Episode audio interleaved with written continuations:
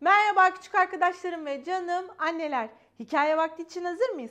Herkes pijamalarını giydi mi? O halde lafı çok fazla uzatmadan, içinde sayıların olduğu küçük bir matematik alıştırmasını barındıran çok şirin bir hikayeyle sizlerleyim. Hikayemizin adı Rüzgar gibi geçti. Ne mi? Hadi gelin okuyup görelim. Rüzgar gibi geçti. Sonbahar havası gitgide soğurken güneş de batmaya başlamıştı erken. Yedi tane kral kelebeği için yolculuk geçecekti çok çetin. Beş kelebek haykırmış endişeyle. Haftalar önce gitseydik keşke. Diğer ikisi karşılık vermiş kibirle. Söylemiştik biz size demek istemesek de.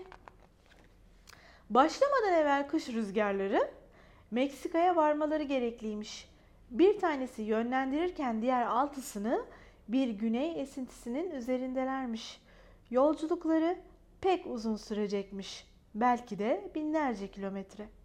Kelebekler gece gündüz ilerlemiş üçlü ve dörtlü gruplar halinde.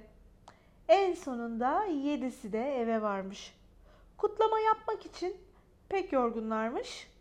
Hepsi gelecek bahar için vaktinde yola çıkma, oyalanmama kararına varmış. Hikayemizi beğendiniz mi? İçinde sayıların uçuştuğu bir kelebek grubu vardı ve en sonunda e, gitmek istedikleri yere bir şekilde vardılar hem de hiçbir eksiklik yaşamadan. Siz de bu hikayeye benzer sayılarla gruplandırmalar yaparak küçük pratikler yapabilirsiniz. Bugünlük de bu kadar demeden önce garip ama gerçek bilgilerin en balıklısı sizinle. Bazı balıklar yumurtadan değil, babalarının ağızlarından dünyaya geliyorlarmış. Evet, deniz altında hayat bazen umduğumuzdan çok daha garip, tuhaf ve hiç düşünmediğimiz gibi gelişebiliyor.